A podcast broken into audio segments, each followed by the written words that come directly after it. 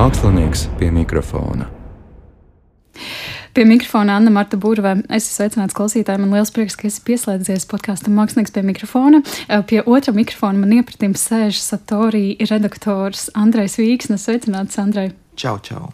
Mēs šo rakstām otro reizi, jo es nevarēju saprast, kā tevi tēvēt par rakstnieku, par redaktoru un tā. Un tu teici, ka tu nejūties.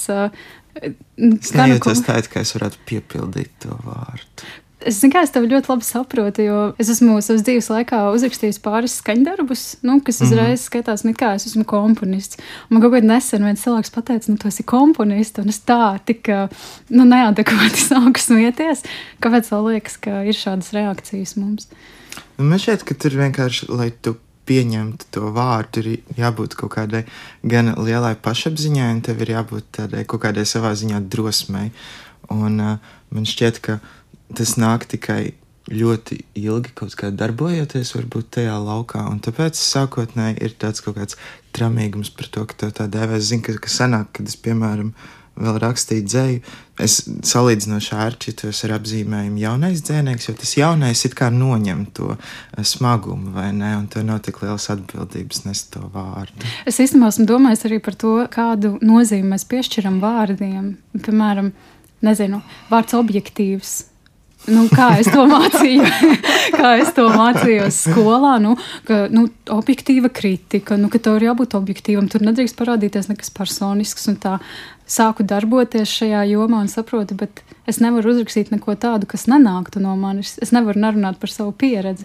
Un tu esi domājis par kaut kādu vārdu nozīmi un vārdu jēgu. Un īstenībā, cik bieži varbūt mēs mm, šauri lūkojamies tās valodas virzienā. Nē, protams, ka es esmu diezgan daudz domājis par tām vārdu jēgām, bet atgriežoties pie tā, ko tu teici par objektīvs. Es, studēju pagājušajā gadā, sāku studēt, un tad, tagad es esmu izstājies un nepabeidzu, bet es sāku studēt antropoloģijas maģistrantūrā. Un, uh, man sākotnēji bija ļoti grūti saprast, kādā veidā vispār antropoloģijā tiek veidotas tās antropoloģijas zināšanas un kur tur rodas objektīvisms. Uh, un objektivitāti, tāpēc ka antropologs pats ir kaut kādā ziņā tas rīks, ar, ar ko viņš strādā, lai iegūtu kaut ko. Un tad man ļoti patīk tas, kā šajā zinātnē tas tiek risināts. Proti, ka tu esi objektīvs, esot caurspīdīgs par pozīciju, no kuras tu runā par apstākļiem, kuras tu runā un par lietām, kas veido to tavu nostāju. Tu vienkārši atklāji to visu, un tad tu runāji. Skaidrs, ka tāda absolūta objektivitāte nav, manuprāt, iespējama. Tas ir drīzāk tas kaut kāds nesasniedzamais ideāls, uz kuru var tiekties, bet es arī nezinu, vai vienmēr to vajag darīt, jo tas mēdz būt arī garlaicīgi. Un es arī domāju par to, ka, ja tā objektivitāte nav sasniedzama, tad kāpēc mēs viņu uztveram kā kaut ko absolūtu un pilnībā pabeigtu tādu, ko it kā vajadzētu sasniegt? Tas absolūti un pabeigtu. Piemēram, tu tikko minēji, ka objektivitāti līdz galam nevar sasniegt. Jā. Bet kāpēc mēs šo vārdu uztveram? Kā... Es nezinu, varbūt tu neesi nekad viņu uztvērs tā. Jo es zinu, ka manā skolā bieži vien mācīja nu, to, ka objektivitāte ir simtprocentīgi. Nekas no manis, tikai un vienīgi fakti. Nu, man šķiet, ka tas ir kaut kādā ziņā tāds akadēmisks uzstādījums, un arī nu, žurnālistikā tas ļoti tiek dzīts iekšā, vai ne, ka jābūt objektivitātei. Nu, Es nezinu, man šķiet, ka tā objektivitāte ir vienkārši tāds labs, laba ceļzīme, ko paturēt prātā, saprotot, ka tev nu, vajag tiekties uz kaut kādu godīgumu un patiesumu. Vienlaikus skaidrs, ka nu, mēs visi esam subjektīvas būtnes un absolūti to mēs nevaram sasniegt, bet mums var būt labi nolūki vienalga darot to, ko mēs darām. Tas ir kā rīks, kas jā. tev palīdz. Jā. Es pirms ierakstā mm, tā atpūšoties un cenšoties tā nomierināties, paskroloju Facebook un es tur redzēju to mēmi, kas jau tagad neskaitāmus mēnešus, man šķiet arī kopš pandēmijas sākuma ir vīdējusi, un tā doma tur ir tāda, ka nu, cilvēki saka, ka jā, nu, vēsture atkārtojas cikliski un viss kaut kas atkārtojas, bet uh, es negaidīju, ka viss 20. gadsimts atkārtosies piecu gadu laikā. Vai tu saproti domu šim? Es saprotu domu, bet es tam nepiekrītu. Tu vari izvērst to. Jo man, man bija tā sajūta, ka es tā kā mazliet nievājoši to skatījos. Es domāju, nu jā, nu tiešām vēsture atkārtojas, nu tas nav noslēpums. Un es domāju, nu jā, ir šī pandēmija, un tagad, kad tā pandēmija it kā ir noklususi, mums atkal ir uh, pavisam netālu karš. Un, un brīžiem ir tāda sajūta, ka tu nevari nomierināties, ka tu, tu visu laiku dzīvo cilvēks uz tāda, oh, kas būs tālāk. Bet uh, tev tā nav, cik es saprotu. Vai man nav satraukums par kāru? tas ir jautājums. Man pavisam noteikti bija milzīgs spriedzes sākumā, mm. un bija grūti darīt vispār kaut ko citu. Un tikai ar tādiem cikliem es esmu kaut kā atradis veidu, kā visā šajā posmā būt un turpināt kaut kādu savu dzīvi. Bet par to 20. gadsimtu Man tas vienkārši uzstādījums šķiet arī kaut kāds mazliet smieklīgs. Iespējams, jo tad, kad mēs runājam par to 20. gadsimtu, kas atkārtojas piecu gadu laikā, tas, ko mēs domājam, man šķiet, tas, ko mēs šajā kontekstā saprotam ar to 20. gadsimtu, ir nu, tās vēstures traģēdijas, vai ne? Bet tas ir tāds ļoti vispārināts, jo skaidrs, ka vis kaut kādi kāri ir bijuši.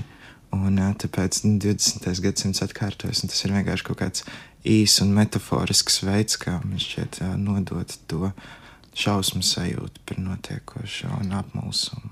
Un tas arī ir ļoti mm, raksturīgi rietumu pasaulē, man liekas, jo īstenībā nu, cik daudz kaut kādos ārzemju medijos mēs redzam, ka ir visu laiku notikuši kari arī citās valstīs, kas nav tās saucamās uh, rietumu kultūrai piedarošās. Un, un to pavisam noteikti nedrīkst aizmirst. Bet kāda varbūt ir tava emocionālā sajūta vispār nu, par to situāciju, kādā mēs kaut kādu pēdējo trīs gadu laikā esam bijuši? Nu, ka ir tiešām kaut kāds viens liels notikums, kas mums liek pielāgoties tai dzīvē un liek salāgot savu dzīvi pilnīgi citādāk, kā mēs esam līdz šim ieraduši dzīvot. Nu, un tad, jā, it kā nāk šis kaut kāds pandēmijas noriets, kad mēs varam kļūt brīvāki, bet tajā pašā laikā kaut kur, nezinu, aiz pleca tā kā tāda dvaša par to, kas notiek pavisam netālu no mums. Kādas ir tavas emocionālās sajūtas? Nu, sākotnēji patiesībā, kad uh, sākās karš Ukrainā, es, protams, biju paralizēts, man bija grūti kaut ko darīt. Es biju piezīmējis ziņu lentei, un tur arī katru vakaru un rītu paraudāju. Bet man patiesībā tas pats sākums bija. Tieši šādā ziņā ļoti interesants, jo man šķita, ka es principā jūtos un reaģēju tieši tāpat kā pandēmijas sākumā, kad ir tas uh, šoks, tu īsti nespēji neko darīt, tu mēģini saprast, kas notiek, un tu konstanti patērē ziņas, un tā kā ikdiena ir kļuvusi kaut kādā ziņā uh, nesvarīga. Bet es, es domājot vēl par to kāru, kā man šeit ļoti interesanti kaut kādā ziņā tas, ka mēs jau to kāra fizisko realitāti šeit patiesībā īsti nepiedzīvojam. Nu, ļoti minimāli bēgļi vai kaut kāds cenu pieaugums, bet, nu, principā tas nav pilnīgi nekas. Un tad tas karš eksistē mums tikai informācijas telpā kaut kādā ziņā. Un tad ir šausmīgi interesanti, ka, nu, tajā mūsu fiziskajā ikdienā un tajā ritmā, kāds mums ir patiesībā sakot, nekas daudz nav mainījies.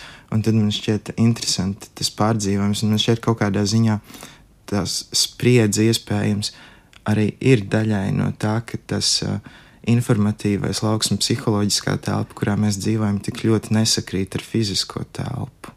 Un tad viņas kaut, kā, kaut kādā jocīgā veidā sadurs un nav īsti skaidrs, kā vienlaikus eksistēt šajās pilnīgi pretējās pasaulēs. Es pilnībā to redzu, tu tagad runā, un es pilnībā redzu tiešām to.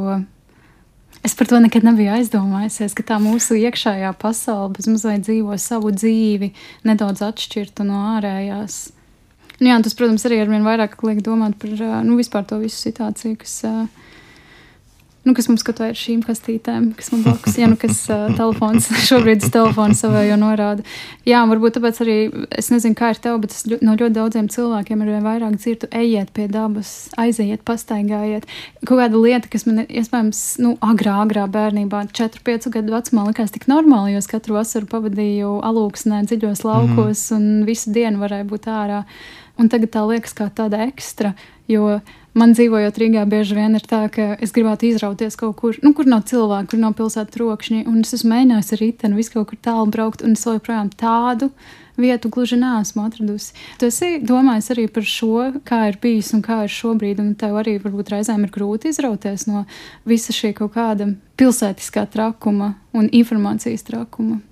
Mm, jā, lielā mērā. Nu, skaidrs, ka tas ir tāds. Uh, pašrūpēšanās un sevis aprūpēšanas pasākums, tā izraušanās pie dabas vai ritmu nomaiņa. Tagad man arī pagājušajā vai aizpagājušajā nedēļā man šķiet, katru vakaru braucu uz lieliem kapiem pēc darba, skatīties, cik tālu jau ir saplaukušas zilās puķītes. Un, nu jā, tas skaidrs, ka tas tā būšana pie dabas un vispār tas staigāšanas ritms kā tāds, viņš ir ļoti nomierinošs un ļauj prātam brīvi plūst arī īsti ļoti interesanti ir novērot to, ka uzsākot to kaut kādu pastaigu vai būšanu pie dabas, sākotnēji vismaz man ir bieži tas refleks izvilkt telefonu, paskatīties, kas tur notiek, un tad ir jāpretojas tai sajūtai, un pēc tam, kad tu turpini, tas vienkārši pazūd kā kaut kas absolūti nesvarīgs. Bet jā, es pastaigāšanos sev kā kaut kādu svarīgu, nu, es pārsvarā pārvietojos ar velosipēdu patiesībā, un es staigāju diezgan maz. Uh, bet uh,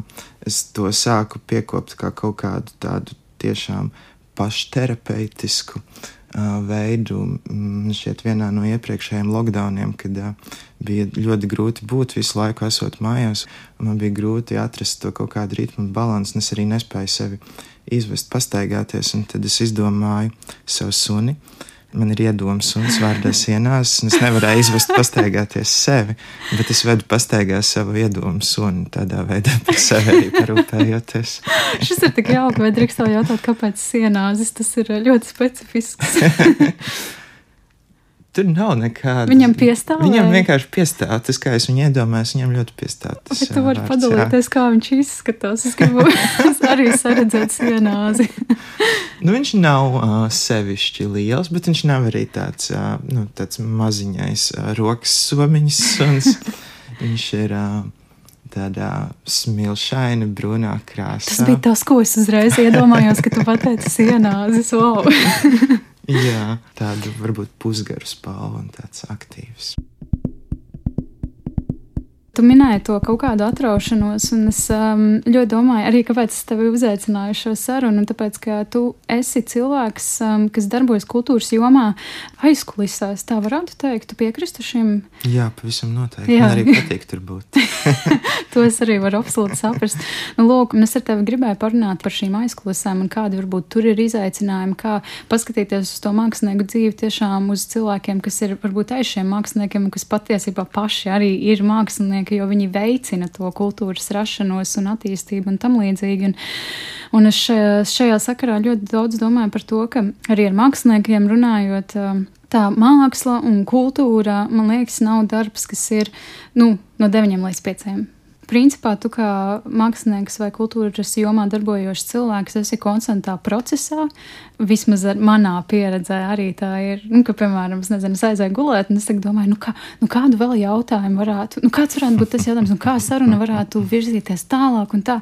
Un es saprotu, ka pagaidi, šis ir mans brīvais laiks, man ir jāiet gulēt, man ir jāizguļas, lai es varētu funkcionēt.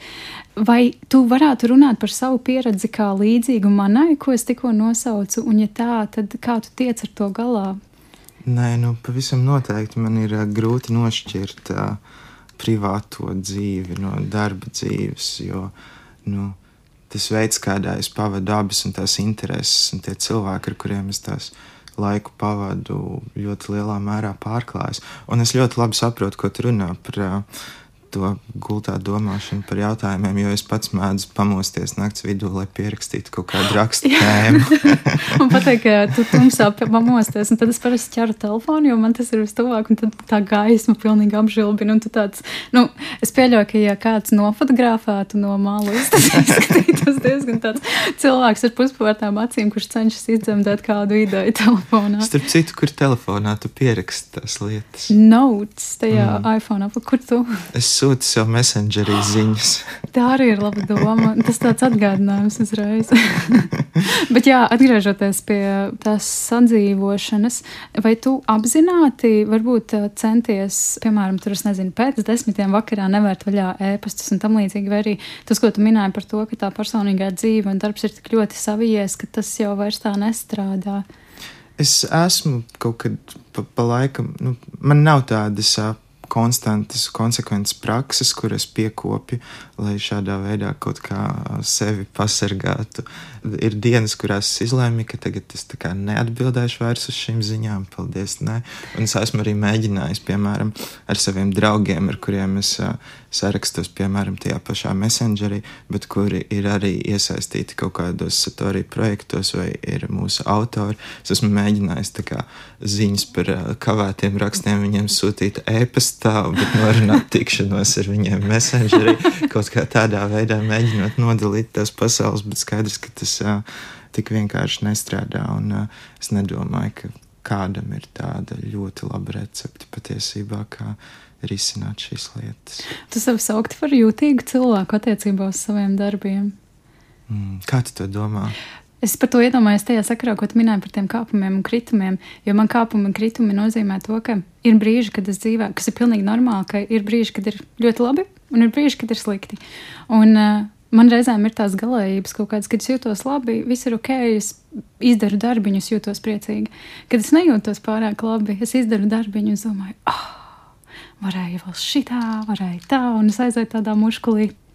Man šķiet, ka tas gan man izdodas kaut kā diezgan uh, veselīgā veidā. Man ļoti nomāca tas, ja man ir uh, iekrāti kaut kādi deadline un kaut kādi parādi, un kas jau ir aiz muguras, un tad man ir. Uh, grūti būt ar sevi, tāpēc ka es visu laiku izjūtu fonā to spiedienu par to neizdarīto lietu. Bet tad, kad kaut kāda lieta ir izdarīta, es, es laikam nepārdzīvoju par to, kā tas ir vai nav sanācis, un arī par uh, kaut kādām uh, kļūdām, kuras tādā ziņā ir notikušas. Es nezinu, mums kaut kā darbā ir izveidojusies ļoti laba mikrovide nu, attiecībā uz šo, ka mēs uh, nemeklējam iemeslu tajai kļūdai, nenorādam cilvēkam. Kā viņam vajadzēja darīt, un ka tas bija slikti vai kaut kā tam līdzīga, tā mūsu reakcija ir, ok, kā mēs šo tagad varam izlabot. Un tas ir tik cilvēcīgi, jo, jo bez kļūdām jau arī nekas vairāk nevar rasties. Es īstenībā to šajā sakrā gribēju jautāt, to arī minēju, ka tad, kad agrāk tu dzēji rakstīji, vai tu vari varbūt arī klausītājiem ieskicēt, kā tu nonāci jā, līdz Satori redakcijai? Hmm. Satori, es patiesībā sakot, es tur pieteicos, man šķiet, ka tas bija 15. gads. Es tur pieteicos kā praktikants. Man šķiet, ka man tur, nezinu, dos nesāt kaut kādus plakātus vai uh, liks rakstīt kaut kādas, varbūt, kalendāra ierakstus. Es pat nezinu, ko es iedomājos. Bet es tur aizgāju un es parunāju, un tad. Uh, Šo man nepiedāvāja darīt, bet man kaut kā piedāvāja rakstīt rakstus. Satoriju. Un tā es nu, sāku pa laikam rakstīt kaut kādus tekstus, arī recenzijas, kaut ko tam līdzīgu, un kaut kā lēni sapazinos arī ar tajiem cilvēkiem, vienkārši esot, nezinu, vienās vietās vai kaut kā tam līdzīgi. Un tad, kad uh, es atgriezos 19. gadā pēc uh, Erasmus prakses Katalonijā, tā sakrita, ka man piedāvāja darbu es ar prieku piekritu. Es šajā sakarā arī iedomājos par to, ka tu Satorija redakcijā ne tikai raksti, bet arī nodarbojies ar visu menedžēšanu. Men, men, es vienmēr ļoti um, apjūku, kā pareizi saukt visas tās uh, lietas, bet tu minēji par tiem, ka projekti jāraksta, ka ir jāsazvanās ar uh, māksliniekiem, jāuzrunā viņi, piemēram, kādas slēdz rakstīšanai un tam līdzīgi. um, um, mēs arī ar tevi mūsu kafijas reizē pirms ieraksta um, runājām par to vispār projektu pasauli un kā mākslu tajos iebāzt. Vai tu varētu parunāt par to, kā um, šī, nu jā, kā šī māksla, kultūra dzīvo šajā projektu pasaulē? Nu, viena no lietām ir tas, ka tas uh, projekta ritms kā tāds uh, ir uh, ļoti nevienmērīgs un tāds, uz kur tu nevari paļauties, un tev vienmēr ir nedrošības sajūta, piemēram, par to, vai to būs iespēja to izdarīt, vai to nebūs iespēja izdarīt, vai tev iedos naudu, vai tev neiedos naudu. Tad dažkārt lietas sakrīt daudzas vienlaikus, un dažkārt atkal nav nekā, un tāpēc tas uh, darbu vilnis ir ļoti nevienmērīgs. Tāpat ir uh, ļoti jocīgi tie brīži, kad tev ir kaut kāda ideja par to, ko tu gribētu darīt. Un tad ir tas projektu konkurss, kuram savukārt ir kaut kādas savas prioritātes. Un tad, tev, lai tu dabūtu iespēju darīt to, ko tu gribi, tev vienkārši ir jādabū projektu konkursā pēc iespējas vairāk punktu. Un tad tev ir jāiemācās projektu žargons ar visām uh, lietām, kas ir veicināt, attīstīt, stimulēt, ieinteresēt un pievilkt tam klāt viskaut kādas uh, citas, nezinu, pilsoniskā aktīvisma vai tam līdzīgas tēmas, lai tu dabūtu vairāk punktus un varētu darīt to. Un tad tā ideja te kaut kādā, nezinu, ideja tev ir uh, lode, bet tev viņa ir kaut kā jāiestūķē kuba veida kastē iekšā. tad, kad pirmo reizi saskāries ar šiem projektiem, kāda bija tava attieksme pret šo, vai tā ir kaut kā mainījusies šu, šajā laikā, kamēr tu esi ar tiem darbojies? Man šķiet, ka sākumā, kad es ar to saskāros, es jutos uh, patiesībā diezgan uh, uh, aizrautīgs par to. Ja man šķita, ka kā, oh, jā, šis ir tas, ko dara tie kultūras cilvēki, un tagad es esmu viens no viņiem. Un tad es sapratu, ka es īstenībā diezgan labi protu rakstīt tos projektus, tāpēc, ka tev ir kā, jāizmanto kaut kādas līdzīgas prasmes, kādas ir jāizmanto skolā, lai rakstītu darbus, kur tev vienkārši ir, ja tu gribi, piemēram, dabūt labu atzīmi, tad tev ir jāraksta tas, kas tiek sagaidīts, un tad tu vienkārši vari izsmadzeņot, kā tur iegrozīt kaut kādas lietas, un kur uzvilkt kaut kādu āķi un samest kaut ko kopā, un man tas sākumā tādā ziņā šķita interesanti, bet, protams, ar laiku darot to vairāk, es esmu sapratis, ka tas nav patiesībā neko baudāms process, ka man daudz labāk patīk realizēt un darīt tās lietas, nevis uh, rakstīt atskaites vai mēģināt pārliecināt, ka šis būs baigi foršs. Vai ir bijis tā, ka ir bijusi kaut kāda ideja, kurai ļoti tici, un tu tiešām uzskati, ka jā, mākslinieciski un tā tīri kaut kādā nozīmes ziņā tas varētu būt tiešām ļoti, ļoti svētīgi un svarīgi. Un šis darbs ir tiešām labs, bet uh, nav izdevies to nopārdot projektiem. Nē, ir, protams, vis kaut kādi projekti, kas ir tikuši atmesti atpakaļ un nekad nav realizēti. Kaut kādas grāmatu izdošanas idejas, kaut kādi pasākumi. Bet, uh, nu, man šķiet svarīgi pārāk par to nepārdzīvot tomēr un uh, doties tālāk un varbūt paturēt to ideju kaut kādā apakšfolderā, apakšfolderī, lai kaut kad, kad ir vajadzība, var izvilkt ārā, un tas varbūt noder kaut kad pēcāk. Un it īpaši par rakstiem tādiem, kuriem ir bijušas idejas, un šķiet, ka to vajadzētu noteikti par to kādam vajadzētu uzrakstīt. Es nezinu, man šķiet, 50% rakstu nekad no tā, ko mēs esam izdomājuši, netop. Kāpēc? Kāpēc tev liekas, tā ir? Grūti atrast autoru, vai autors atsakās, vai tiek nokavēta kaut kāda aktualitāte. Nu, ļoti dažādi tie iemesli. Kā tu veido attiecības ar uh, tiem cilvēkiem, kurus tu parasti uzrunā kaut kādām slēgām? Jo arī nu, tu pats esi darbojies, tas ir rakstījis šo dzēju. Tas nav tā, ka tu esi cilvēks no malas, kas pasaka, hei, uzraksti. Kā tev veidojas attiecības ar šiem cilvēkiem, kā redaktoram, kad tu viņus uzrunā? Hmm. Nu, atkarīgs arī, protams, vai tas ir jau pazīstams cilvēks, vai tas ir kāds jauns cilvēks, kurš tiek uzrunāts. Tu vari atparunāt par tām atšķirībām? Nē, nu skaidrs, ka, ja ir Rīgas Stradiņa universitātes pētnieks, kuru es nepazīstu, tad skaidrs, ka es kā, meklēju ēpastu un tad es sūtu viņam un uh, jautāju. Uh, nu, vai jūs tur varētu, un es esmu Andrejs, un uh, es esmu Satorija redaktors, un tad ir tur uh, visas tās apstāstīšanas par to, kāds ir mūsu raksta formāts un kas. Un tad savukārt ir, protams, arī uh, nu, pilnīgi citādākas situācijas, kad es nezinu, es uh, sēžu ar uh, savu draugu, un mēs kaut ko runājam, un viņš man stāsta par mīlestību, un es saku viņam, ka viņam vajag mums uzrakstīt uh, dzējas publikāciju par mīlestību, un tad tas notiek. Ņemot vērā to, ka tās pieredzes arī ir tik ļoti dažādas ar cilvēkiem, jā, varbūt kaut kas ir formālāks, varbūt kaut kas cits ir draudzīgāks, vai arī kaut kas ir, es nezinu, pa vidu. Vai tev kā redaktoram arī nav sajūta, ka tev ir reizēm jābūt kā tādam psihologam, jo tev ir kaut kādā veidā jāuzspiež cilvēkam otrā pusē uz pareizajiem punktiem, lai nu, kaut viņš jā, uzrakstītu mums, lai viņš neatteiktos. Vai pavisam noteikti. Kā tu varētu pastāstīt par savām psihologa metodēm? nu, kā tu sāc uh, uh, saku, uzrunājot cilvēku ļoti draudzīgā veidā un uh, pastāstot, cik šis cilvēks ir brīnišķīgs un fantastisks. Un tad tu saki, un mums ir tāda uh, fantastiska iespēja, bet lieta tāda, ka tu esi vienīgais, kas to var izdarīt. Un tu nesatraucies par termiņiem. Šis nav super aktuāls šobrīd, bet tā kā paņem, un, un tad tur notiek šī saruna, kur tu komplimentē un pārliecini UTT. Un tad, kad cilvēks ir piekritis un tu esi pateicis, ka nav nekādas steigas, tad tu pēc tam jūs varat sākt tomēr steidzināt tā lēnām.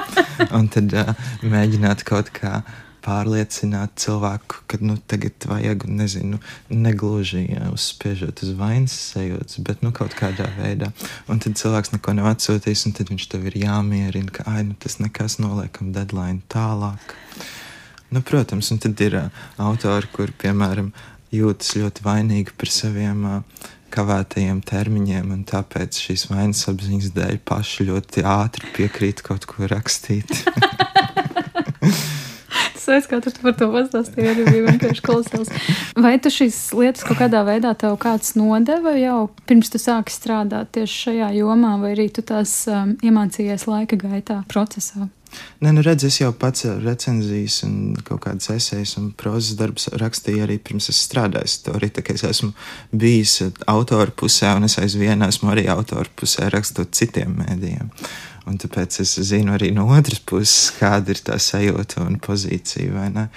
Bet nu, skaidrs arī, ka nav kaut kādas tādas rokas grāmatas par to, kā tev kā redaktoram pārliecināt kādu kaut ko darīt. Tas viss ir vienkārši redakcijā, savstarpēji sarunās, pļāpājot par to, kā mums iet ar autoru uzrunāšanu, vai vienkārši ar laiku runājot ar cilvēkiem un saprotot, kā uzrunāt kuru un kas strādā un kas nestrādā. Vai ir grūti šos kultūras mākslas cilvēkus vispār uzrunāt, varbūt nevis uzrunāt, bet pierunāt? O, jā. Tu vari pastāstīt, varbūt kādu piemēru iz dzīves, kā, kā, kā ir bijis. Nē, nu vienkārši ļaudis jau ir ļoti aizņemti ar viskaut kādiem uh, citiem projektiem. Nu, piemēram, daļa mūsu autori, nezinu, ir rakstnieki vai režisori, un tad viņiem ir pašiem savas lietas, ko viņi dara, un tad kāds uzbāžas tev ar kaut kādu savu sīko rakstīnu, kamēr tev degas, nezinu, filmas scenārijs. Un eh, skaidrs, ka nu, tādā situācijā autors ir grūti pārliecināt, un tas bieži vien arī vienkārši nav iespējams. Tur arī saproti, ka nu, tā tava lieta ir krietni nesvarīgāka uz visu citu lietu fona. Tāpēc, nu jā, nevienmēr ir viegli pārliecināt cilvēkus, ir tīpaši tos, kuri, nezinu, labi raksta, tāpēc, ka viņi ir ļoti pieprasīti arī viskaut kur citur. Vai tas domājas par kaut kādu izdegšanas situāciju mākslinieku starpā, jo īpaši šodien Kāpēc es tev šo jautāju? Jo tu pieminēji to, ka, nu, piemēram, jā, ir cilvēki, kuriem ir ļoti daudz cita darba, un viņi mākslā darbojas dažādās jomās. Jo man ir tā sajūta, ka kultūrā bieži vien, lai arī tu vienkārši kā cilvēks tīri cilvēcīgi varētu izdzīvot, tīri nopelnot naudu, nu, ka tev ir jādarbojas vairākos projektos un ir jādara kaut kādas vairākas lietas vienlaicīgi. Nē, nu, protams, tas jau ir arī ļoti redzams par to, kā cilvēki, nezinu, ir konstanti pārstrādājušies un pārguruši, un tad kāds kādā brīdī vienkārši nezinu, pārdeg un nokrīt, un tad ir uh, cilvēks atkal uh, atkopjas lēnām. Tad, nu, tas ir tāds kaut kādā ziņā bieži vien uh, daudziem cikls, kad tiek notiek par daudz viskaut kas reizē, tad uh, nekas nav iespējams, un tad tur kaut kā raujies un izsities un izdara tās lietas, bet pēc tam tu vairs neesi spējīgs kādu laiku darīt neko. Daļai tas ir saistīts ar to pašu projektu ritmu, vai ne? Un uh, visu balansu meklēšanu tajā. Mēs jau sarunas sākumā runājām par uh, to kaut kādu tavējo mentālo higiēnu, un tu teici, ka tu šobrīd jūties ļoti labi. Nu, es nezinu, vai ļoti labi. labi. es tev tieši īstenībā gribēju jautāt, nu, jā, mēs runājam par to kaut kādu izdegšanas to procesu, to kultūru, kas ir šodien ļoti, ļoti aktuāla. Kā tev ir šobrīd, un vai tev kaut kad ir bijis, es nezinu, piemēram, smagāk, bet iespējams arī novecojot, teiksim tā, tomēr spēja labāk sajust balansu strādājot šajā jomā? Man, man šķiet, ka varbūt es spēju tā kā skaidrāk apzināties prioritātes un savu spēju robežas, saprast, kas ir par daudz un kas var pagaidīt. Kaut kādā ziņā tā ir vieglāk, ja tīpaši arī tagad, kad uh, es nestudēju. Bet uh, skaidrs, ka tā balanss meklēšana, nu, jā, es, es neticu laikam tam, ka tu kā dzīva būtne, kura visu laiku ir kaut kādā pārmaiņu procesā, var atrast to balansu, kurš ir tas punkts, un tad tu esi sastindzis tajā balansā un skaisti tajā jūties. Man šķiet, ka tas, tā kā mēs esam dzīves, jā, būtnes pārmaiņu procesā, man šķiet, ka arī tas balans ir uh, mainīgs, un dažkārt viņš atrodas vairāk pa labi un dažkārt pa kreisi, un tas ir jāmeklē visu laiku. Tas ir līdzīgi, kā mēs sākumā runājām par to objektivitāti, ka viņa nevar būt simtprocentīga. Man liekas, ka balans arī nevar būt simtprocentīgs. Es vispār daudz domāju par to, cik ļoti bieži vien mēs kaut kādus savu ultimātus uzstādām, ka nu, man ir jāizdara šitais perfekti, bet arī perfekcija nav simtprocentīga. Šausmīgi garlaicīga. bet tiešām. Īpaši man šeit domājot par uh, kaut kādiem, nu, nezinu, tekstiem, piemēram. Perfekti teksti. Es, es pat īsti nezinu, ko tas nozīmē, bet man arī šķiet, mēs nu, taču esam uh, neperfektas un daudzos veidos vājas un iespējams daudzos veidos neglītas vai uz kaut ko nespējīgas būtnes. Tāpēc man šķiet, ka ir labi būt godīgam par to. Un tieši tāpēc arī tajā perfekcijas trūkumā varbūt mēs labāk saskatām to cilvēcisko, un tāpēc tas iedarbojas uz mūsu emocijām daudz kaut kādā spēcīgākā veidā. Tas ir arī tas pats, kas um, kaut kāda mākslinieku neglorificēšana, ka, piemēram, es nezinu, kā bija tā, bet skolā tur es, piemēram, mācījos par komponistiem, un par katru komponistu ir izcilākais sava laika ģēnijs, brīnumbērns, viņš bija perfekcija. Un tad uh, nu, man patīk tā mūzika, bet tad, kad es sāku uzzināt, ka Mocards vispār bija tāds bišķiņu jucis un, un vispār nemācīja kā dzīvot normāli, man kaut kādā veidā tas cilvēciskoja to kaut kādu personību, kuras vienmēr bija turējusi kā dieva vietā. Un bieži vien tas ir iespējams arī ļoti neveselīgi, tīpaši iespējams mākslas jomā, ka tu redzi kaut ko, kas tev ļoti iedvesmo, un iespējams iedvesmo arī tavu jaunradi, radošo darbību. Bet kā jauns cilvēks, protams, jauni cilvēki vienmēr ir nepārliecināti par sevi. Viņi vēl nav atraduši kaut kādu to savu varbūt, ceļu. Viņi vēl tikai meklējumos, kas ir pilnīgi ok. Bet man liekas, tad, kad tu redzi un tu dzirdi, kā par nu, to vienu, piemēram, cilvēku runā kā par dievu, tas var arī nu, tā kaut kādai pašapziņai ļoti nodarīt pāri. Jo tu domā pie sevis, nu jā, es jau nekad nebūšu tāds. Nu jā, man šķiet, ka nevajag izvirzīt sev kaut kādus nesasniedzams vai nereāls standarts izveidot. Nu, jā, tie mīti tādā ziņā ir bīstami par kaut kādiem cilvēkiem, jo viņi var nodarīt pāri gan to cilvēku darbam, gan arī tev, kā nezinu, jaunam censonim kaut kādā jomā. Tāpēc, nu jā, tas ir vispār patiesībā interesants jautājums par to, cik daudz mums vajadzētu zināt par kaut kādu darba autoru, lai par to domāt, vai mums tas tiešām ir vajadzīgs, lai labāk uztvertu vai saprastu darbu. Tu esi dzirdējis um, to visu situāciju ar Džeku Rowling, Rowlinga, kas ir Harry Pottera autora. Viņa arī ir briesmīgs transfobs. Mm -hmm. Un ļoti daudz cilvēki, es redzu, īpaši tajā vecajā aplikācijā, kurā es vēl joprojām ļoti aktīvi uzdarbojos Tumblrā, redzu, ka ļoti daudz liek rakstus par to, ka, nu, hei, mums vajag tagad uh, nu, nevajag pirkt to Hariju Poteru, tāpēc ka viņa pelna ar to. Un jau cik mēnešiem es sakoju līdzi šīm sarunām, un es nevaru saprast, kā reaģēt uz to, jo, protams, es transfobiju, es to nespēju pieņemt, tas ir absolūti pret mani. Un tajā pašā laikā arī tas Harijs Poters ir tas, ar ko es esmu uzaugusi, un tās filmas es vienkārši dievinu. Un, un es atklāti sakot, es vēl joprojām es nezinu, kā Es esmu par to domājis, jā, un man Harijs Poters arī ļoti sirdītos, un ar to es uzaugu.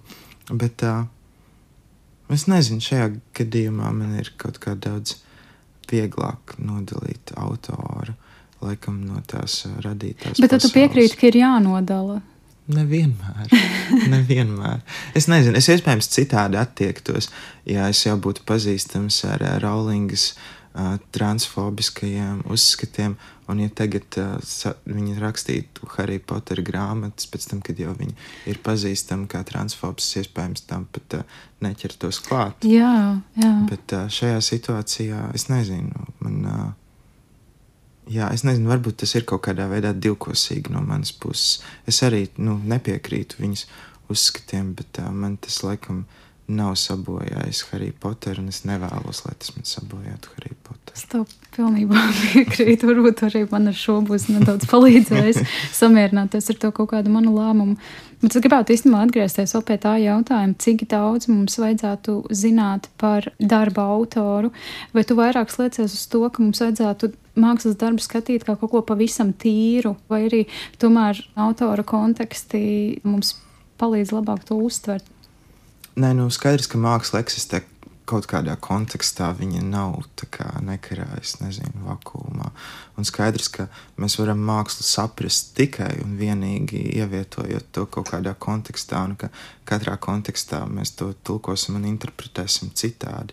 Ja mēs runājam, nezinu, piemēram, par uh, kaut kādu uh, recenzēšanu, uh, tad skaidrs, ka Nu, ja, piemēram, autoram ir trīs dzīslas grāmatas, un tev jāraksta par trešo, nu, tad būtu baigi labi, ja tu zinātu tas pirmās divas arī, un varētu spriest kaut kādā autora darbības kontekstā par lietām, bet vienlaikus arī, nu, nezinu, interpretēt uh, darbu caur autora biogrāfijas faktiem, tas man šķiet jau, nu, kaut kāds novecojis pieejams vispār tam, kā uh, raudzīties uz viņa mākslas parādībām. Kā tu jūti savu kā redaktora uzdevumu un kāds mērķis, ko tu pats personīgi, gan priekš sevis, gan priekš citiem vēlētos ar šo darbu, Satorī, kas tiešām dara tik daudz laba, lai neteiktu ko vairāk. Kas priekš tevis ir tas pats svarīgākais? Tas kaut kāds, nezinu, misija, tas būtu pārāk skaļš vārds. Hmm. Nē, nu kaut kāda misijas apziņa tajā visdrīzāk ir. Jā. Es nezinu, man ļoti patīk teksti, un man ir svarīgi, lai mēs publicētu labus tekstus un rūpēties par tekstu kvalitāti. Un man uh, gribas, lai cilvēki nespriestu par lietām pārsteidzīgi un uh, prastu klausīties. Es esmu ieinteresēts tajā, lai pasaule man apkārt kļūtu labāka. Un uh, man šķiet, ka es vismaz gribu ticēt tam, ka mēs Satorī ar savu darbību to kaut kā veicinām. Mākslinieks pie mikrofona atpūšas. Andrej, man vienmēr interesē pajautāt uh, pretī esošajiem māksliniekiem, kas viņus iedvesmo darīt to, ko viņi dara, kas viņiem palīdz arī atpūsties no tā, ko viņi dara, un kas viņus nu, tiešām vienkārši iedvesmo. Tāpēc, lai tu varētu parunāt, jā, tu jau vienu lietu minēji īstenībā tās pastaigas vai ne ar sienāzi. uh, bet kas ir vēl tas, kas tev liek justies dzīvē labi, kas varbūt nav gluži ar darbu saistīts? Es šajā savā dzīvesvietā, kurā es esmu, man ir tāda telpa, kuru es saucu par verandu, jo viņā ir ļoti daudz logu, kas ir trijās pusēs, tur tas logu ieskāvums. Un tad, kad es tur ievācos, es sapratu, ka to telpu vajag piepildīt ar telpu augiem. Un tad es esmu lēni akumulējis diezgan daudz telpu augu.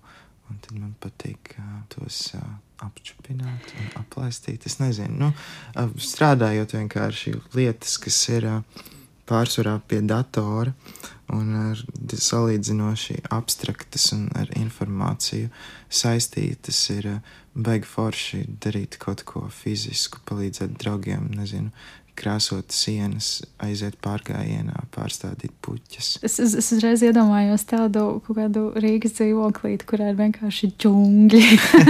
Nē, tik traki nav.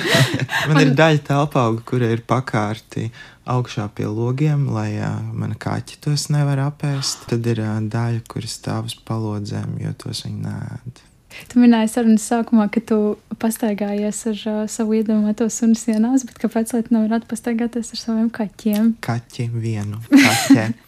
Jā. Kaķi man nāca agrāk ārā no rītiem līdz, kad es sēdēju uz soliņa un dzēru kafiju un, uh, un gatavojos dienai. Bet uh, tad tur mums pa sētu steigā arī citi kaķi, un tad es viņu no viņiem sargājot, laikam, dikti sabaidīju, un tad viņi man nenāk vairs līdzi ārā pagalmā.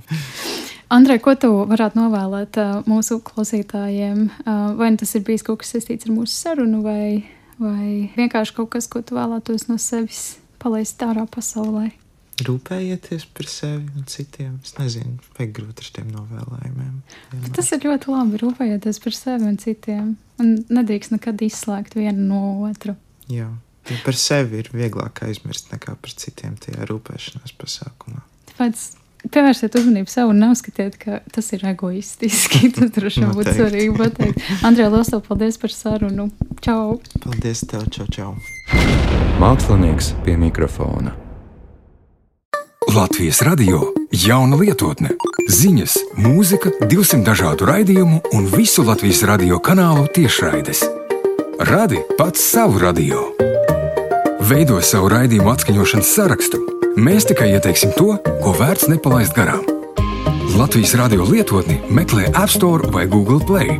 Lejupielādē to savā telefonā un klausies Latvijas radio saturu savērtā laikā un vietā. Latvijas radio lietotne pieejama bez maksas un reklāmām.